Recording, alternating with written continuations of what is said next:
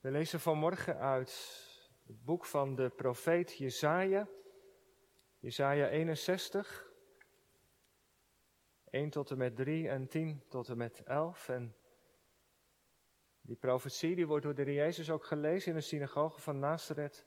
We lezen dan ook uit Lucas 4, de versen 16 tot en met 30.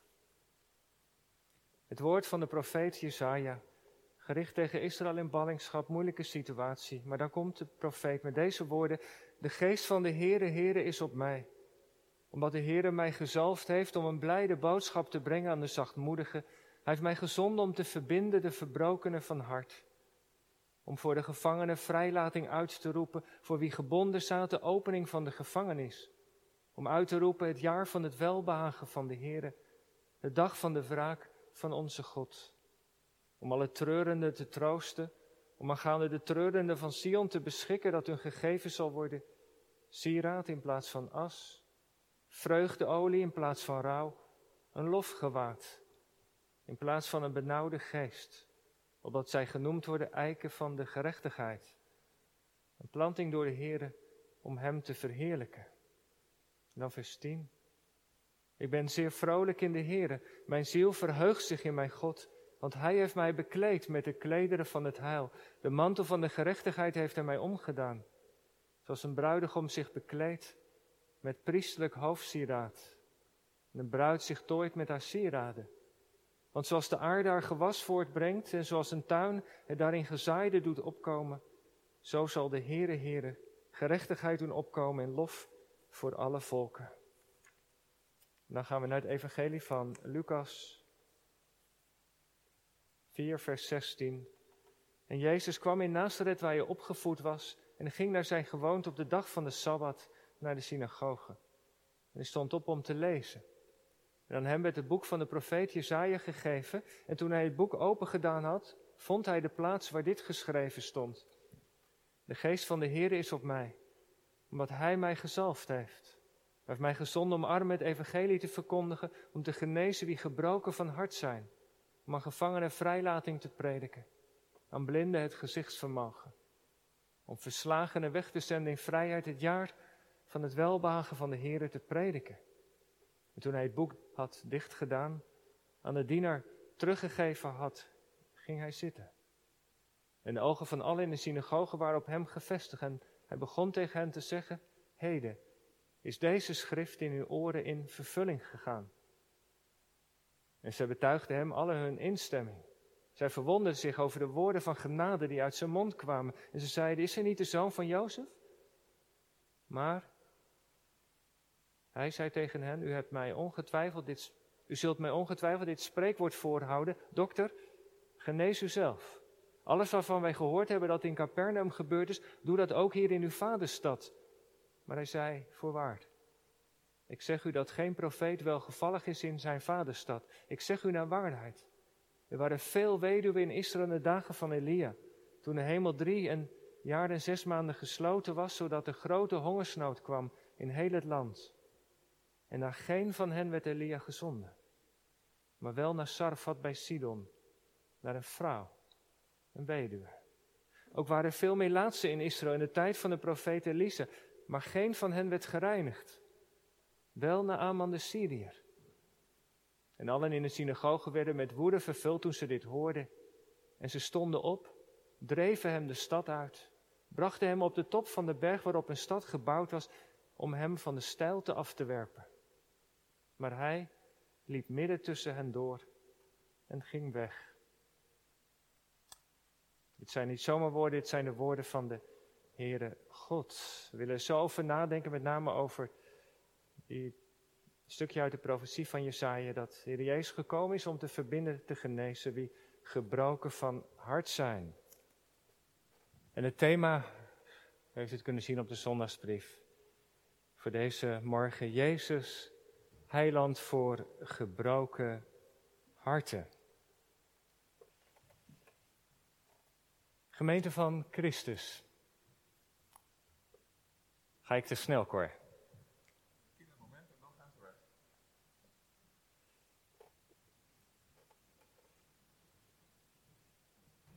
Kijk, wat altijd een gewoonte is, Als je dat niet meer doet, dan raak je soms in verwarring. Fijn dat uh, jullie er zijn en dat jullie ook kinderen kunnen vanmorgen kinderen naar de kinderbijbelvertelling. Het is allemaal voorbereid en ik wens jullie een hele goede ontmoeting ook.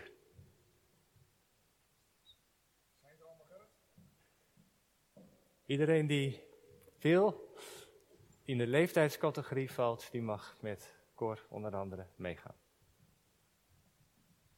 Nou, jullie ook een goede ontmoeting. Gemeente van Christus, broeders en zusters, jongelui, u die hier in de kerk bent en thuis meekijkt, meeluistert, mag ik u en jou vanmorgen een vraag stellen. Wie is God voor u? Het is nogal een stevige vraag. Wie is God voor jou? Waar denk je aan als je het woordje God hoort? Moet je misschien even over nadenken, maar val maar gelijk met de deur in huis. Op de vraag hoe mensen tegen God aankijken, worden vandaag heel verschillende antwoorden gegeven. Het dagblad Trouw heeft een serie van interviews waar mensen iets over hun leven vertellen aan de hand van de tien geboden. Komen veel mensen aan het woord, gelovig en ongelovig. Maar de vraag naar wie God is, komt altijd wel langs. En als je dat dan leest, soms ook met kromme tenen, maar goed, dan blijkt dat iedereen daar zo zijn of haar gedachten over heeft. Het woordje God ja, dat is een soort containerbegrip. Iedereen stopt erin wat hij of zij over God denkt, meent te weten. Voor mij, oude man, een troon. Iemand, zeker, er moet wel iets zijn, iets hogers. Nee, een verzinsel van mensen. Ja, een goddelijke kracht in de natuur, in mezelf. Zoveel hoofden, zoveel meningen. Iedereen heeft daar zijn gedachten bij. Maar weet u, weet je, zo'n algemene vraag naar wie God is, die helpt ons eigenlijk helemaal niet verder. De schrijvers van het Nieuwe Testament en ook Lucas bewandelen namelijk een andere weg. Wil je meer weten over wie God is? De God van de Bijbel, de schepper van hemel en aarde? Dan moet je starten bij Jezus. Waarom?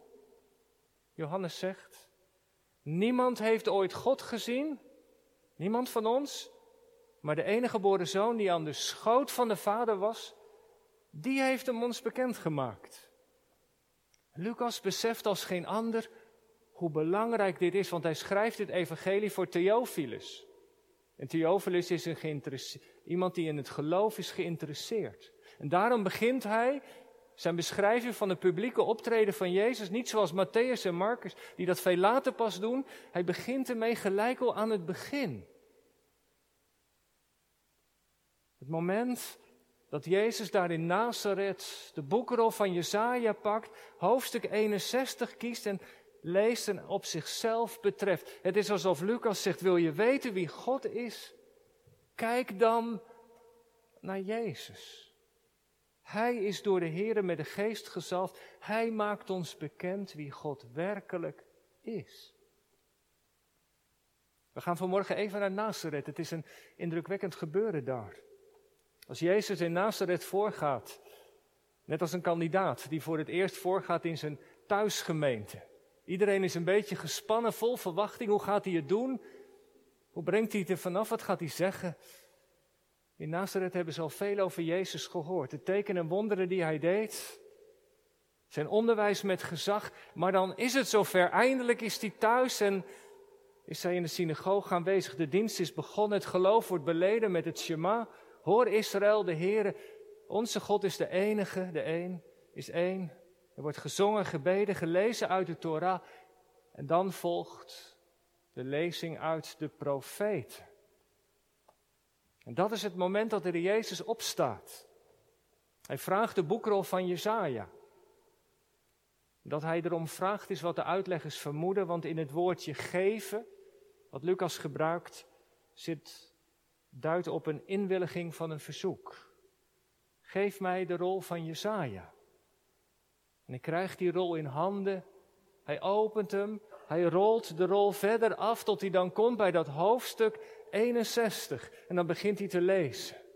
Nog even een keer. De geest van de Heere is op mij omdat hij mij gezalfd heeft. Zie hem daar staan? Hij spreekt deze woorden uit. Hij heeft mij gezonden om een arm het evangelie te verkondigen, genezen wie gebroken zijn van hart, gevangenen vrijlating te prediken, blinden het gezicht, verslagenen weg te zenden in vrijheid, om het jaar van het welbagen van de Heere te prediken. Wat een indrukwekkende woorden, om uit de mond van Jezus te horen.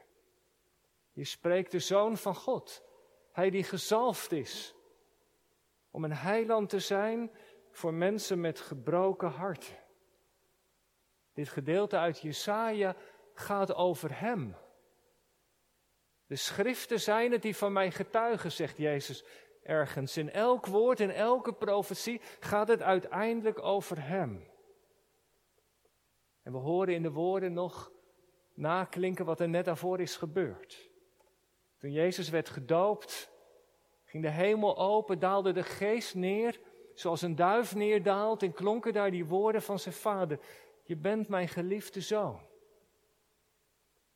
In jou, in u heb ik mijn welbehagen. Als Jezus die profetie pakt en leest, krijgen we antwoord op de vraag wie God is. Want Jezus zelf heeft gezegd, ik en de Vader zijn één. Wie mij heeft gezien, heeft de Vader gezien.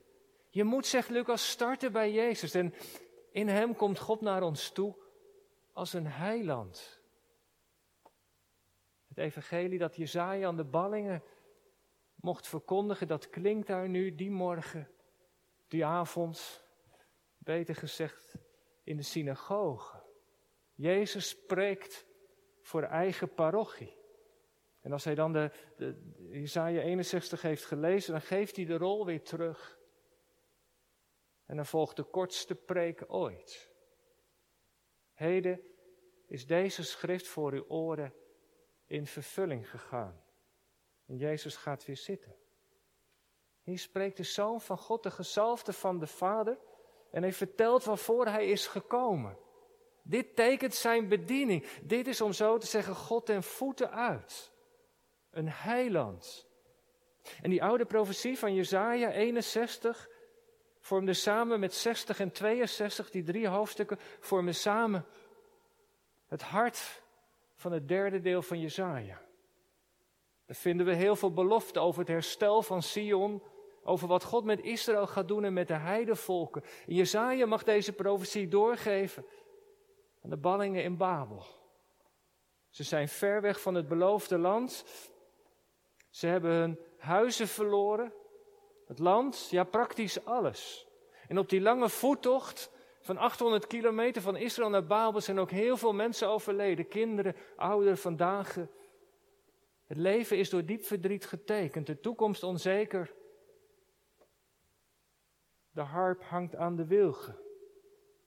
En dan komt een profeet met deze woorden. God is hen niet vergeten wat ze dachten. God heeft zijn handen niet van jullie afgetrokken.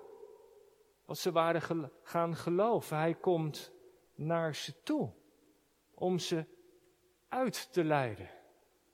En als Jezus dan deze woorden van Jesaja 61 daar in Nazareth leest, dan, dan, dan zit Israël ook in een moeilijke tijd. De Romeinen zijn oppermachtig, het volk is nog steeds als het ware in ballingschap. Het is niet vrij om God te dienen in het land. Die heidenen, die horen er niet. En net als in de tijd van Jezaja waren daar ook in Israël stemmen die zeiden, ja dat is nu, daar hebben wij het nu naar gemaakt. We hebben gezondigd, we zijn de Heer ontrouw geweest en daarom zijn die volken, daarom zijn die Romeinen gekomen. Dit komt ervan. We maken ons meer druk om onszelf dan om de dienst van God. We hebben de situatie aan onszelf te danken. Het waren stemmen die klonken. Je kunt het je wel voorstellen. En wat maakt die preek van Jezus nou zo bijzonder daar in Nazareth? Is omdat hij uit die oude profetie één zinnetje weglaat. Als je Jesaja 61 vergelijkt met Lucas 4, dan zie je dat. Jesaja zei nog dat de gezalfde was gekomen om uit te roepen het jaar van het welbehagen van de Heer en de dag van de wraak van onze God. En Jezus stopt daar net voor. Dat zinnetje over die wraak leest hij niet. Want die wraak van God, dat staat over het oordeel van God, over de zonde en het kwaad van onze mensen. Wat Israël heeft gedaan in de volkeren, daar komt God op terug. Er komt een dag dat hij recht zal spreken. Dat hij dat allemaal aan de kaak zal stellen, zal oordelen. Maar dat zinnetje leest Jezus niet. Hij stopt als het ware, zou je zeggen, te vroeg. Nee, het is niet te vroeg. Waarom, waarom noemt Jezus dat niet? Dat zou toch terecht zijn? Nee, hij noemt het niet. En dat is nou het evangelie, omdat hij zelf dat oordeel draagt. Op Golgotha draagt Jezus het nee van God tegen de zonde, tegen het kwaad, tegen alles wat in ons leven, in de wereld niet goed is. Hij heeft dat oordeel gedragen en weggedragen. En, de tijd tussen Golgotha en de eindafrekening, om zo te zeggen, de jongste dag, dat is nu de tijd van de genade geworden, de tijd van het welbehagen van de Heer. Dat is het evangelie. Wat nog steeds mag klinken. En de mensen daar in Nazareth, die, die proeven dat ook. Ze zijn verwonderd over de woorden van genade. Die over de lippen van Jezus komen. En gemeente, u die thuis meekijkt, meeluistert, wat ik nou zo hoop en wat, waar ik om bid, is dat wij ons ook over die genade van God verwonderen. Dat God in Jezus naar ons toe komt om zo te zeggen met open armen. Nog steeds. Met een blik vol genade. Ja, ook naar mij. Naar jou, naar u, naar ons, die dat niet verdienen. Als je dat tot je laat doordringen, dan doet het toch wat met je hart of niet? Verwonder je daar wel eens over? Dat je mag zijn. Dat God je vader, dat je hem je vader mag noemen. Dat zijn vergeving er is, dat hij elke dag klaar staat om zo te zeggen, voor ons. Ja, maar al die andere dingen in mijn leven die niet op orde zijn, niemand weet ervan. Heeft Jezus dat dan ook gedragen? Alles. Alles. En dat is het evangelie. En daar staat hij, zo wil hij heiland zijn, daarvoor is hij gekomen.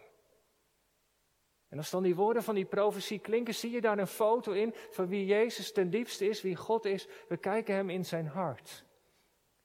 En ik vat het nu maar even samen vanmorgen met dat zinnetje.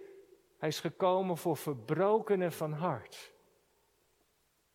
Want als u even meekijkt, de armen, uitleggers wijzen daarop dat het wat meer algemene termen zijn. De armen, dat zijn mensen die met lege handen staan, die ook niet bij machten zijn om een situatie te kunnen veranderen. Gevangenen, mensen die gebonden zijn. Structuren, zondige patronen, verslavingen misschien. Blinden, dat, dat kun je niet zien, dan zie je niet verder, dan heb je geen hoop en geen perspectief. Verslagenen. Kun je zijn als je murf geworden bent door de dingen in je leven die anders liepen. Die tegenslagen elke keer weer. Die moeheid die daar vandaan komt. Al die dingen samen. Die komen samen in dat woordje gebroken van hart. Het hart, dat is de plek waar de beslissingen vallen. De hart is de plek waar Gods geest werkt. Het hart waarmee je de Heer weer lief hebben. Wat vaak ook zo vaak ten dele is. Ons hart, dat ook zo aan ons trekt. Dat ons ook weer bij Christus soms ook vandaan trekt. Dat soms zo eigenzinnig is, dat hart. Zegt Jezus, daar lopen barsten en scheuren doorheen. Het grondwoord in het Hebreeuws over breken, gebroken van hart, dat wordt gebruikt voor een vaas. Prachtige vaas die kapot gevallen is, die is gebroken in allerlei stukjes uiteen. Dat is het beeld wat Jezaja heeft. Gebroken. Zo kun je voelen dus. Dat je leven niet aan Gods bedoeling beantwoordt. Dat je worstelt met verkeerde neigingen en daar niet mee verder komt. Dat je belangrijke keuze je eigenlijk je schuift het maar steeds voor je uit. Dat jammer. Dat je leven getekend is door teleurstelling omdat alles zo anders liep dan je zo graag zou willen. Dromen die in duigen gevallen zijn. Je soms zo moe bent van alles wat gewoon maar gaat. En wat er om je heen gebeurt. Corona, zoveel dingen onzeker. Je trouwdag het ziet er opeens heel anders uit. Het jubileum. Die stond aan het graf, het afscheid van de geliefde. Worsteling met eenzaamheid, somberheid. Je hart dat zo onrustig is. Lieve broeders en zusters, vanmorgen roept het evangelie ons op om niet naar de omstandigheden te kijken, niet te blijven kijken naar wat we niet hebben, maar ons oog te richten op Jezus. God heeft Hem gezalfd om een heiland te zijn voor mensen met gebroken harten. Die de moed hebben verloren misschien, mensen die die gebroken stukjes niet bij elkaar krijgen. Jezus weet daar raad mee. Dat weet hij als geen ander. Wat doet hij? Jezaja zegt hij verbindt gebrokenen van hart. En bij Lucas lezen we hij geneest gebrokenen van hart. Verbinden, genezen. Er zit alles tussenin. Als je iets verbindt, nou ja, dan, als je een wond verbindt, dan bedek je dat. Dan kun je weer verder. Wordt het verzorgd. Doe je een ijsbek op je hoofd en hopelijk geneest het ook weer. Genezen. Soms neemt Jezus de angel van de ziekte weg middelijke wijze of als antwoord op het gebed. Verbinden, genezen. Dat omvat alles. Hij is erbij betrokken. Zo is hij een heiland, gezalfd om dat te doen, totdat de jongste dag komt. Ik moet denken, tijdens de voorbereiding van de preek moest ik denken aan de lied van Marcel Siemer. Het heet Hij is erbij. Soms brengt God de storm tot stilte Soms leidt Hij ons er doorheen. In de stormen van het leven zijn we niet alleen. Soms geneest Hij ons van ziekte, soms laat Hij het lijden toe. Hoe het ook zij, hoe het ook zij. Hij is erbij. En u, ik heb me daar deze week zo over verwonderd, over die, die boodschap die Jezus daar brengt, die Hij belichaamt in Nazareth. Ik vind dat zo'n geweldige boodschap. Het evangelie is zo rijk dat Jezus raad weet met alles in mijn leven. Uw leven ook, de gebrokenheid, de donkere kanten. En dat hij zo'n bewogen heiland is. Hoe kan het? Dat zoveel mensen hem niet kennen. Hoe kan het dat zoveel mensen buiten de kerk niet willen kennen? Hebben wij hen wel een juist beeld van Jezus gegeven? Hebben wij hem wel gepresenteerd zoals hij zich in Nazareth bekend heeft gemaakt? Voorgeleefd? In de buurt waar we wonen? Ik had al zeer onlangs een gesprek met een jong volwassene. Komt niet in de kerk. Ik dacht, laat hem weer eens bellen. Laat eens weer even contact hebben. En hij zei eigenlijk, dominee, allemaal prima. De zorg in wat u doet, maar maar het spijt me. Ik heb gewoon niks met de kerk. Ja, gemeente, dat kan. Maar het gaat niet om de kerk. Het gaat om Jezus.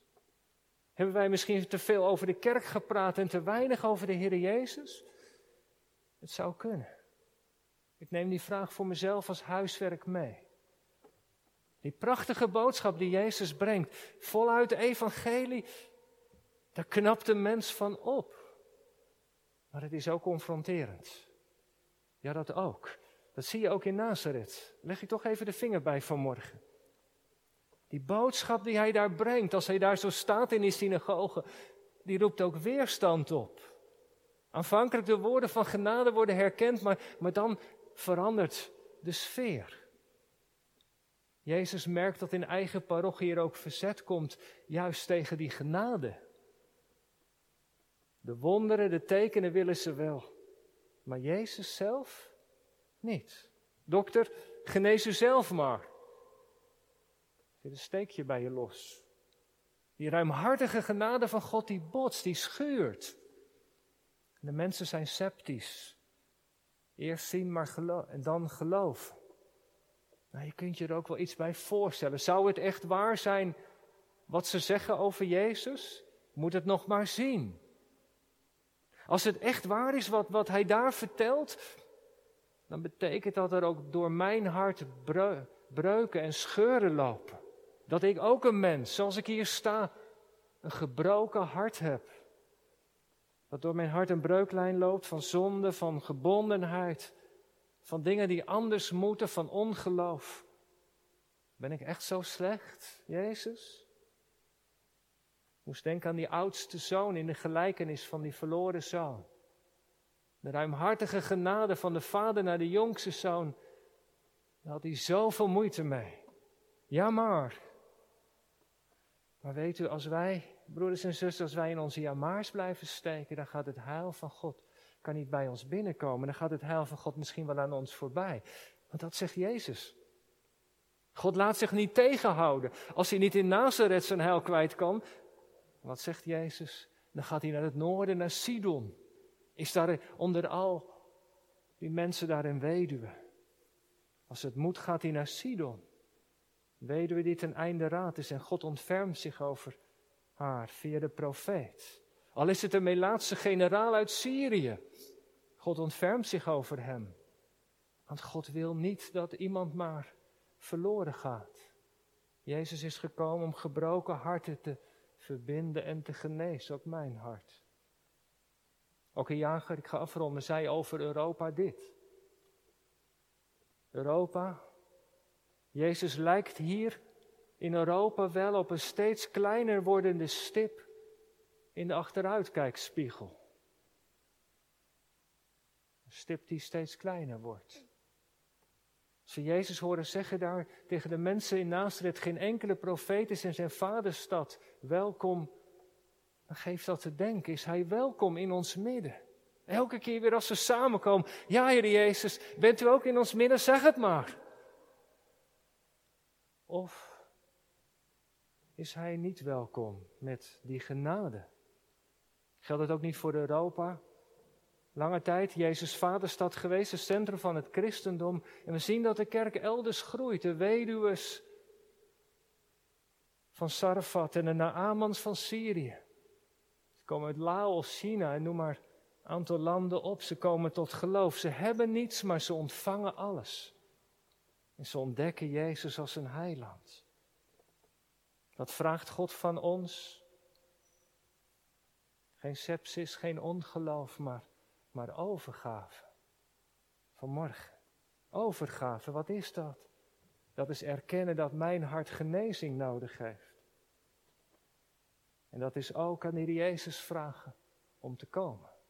Met zijn heil, met zijn vergeving, met zijn genade, met zijn kracht, met zijn nabijheid.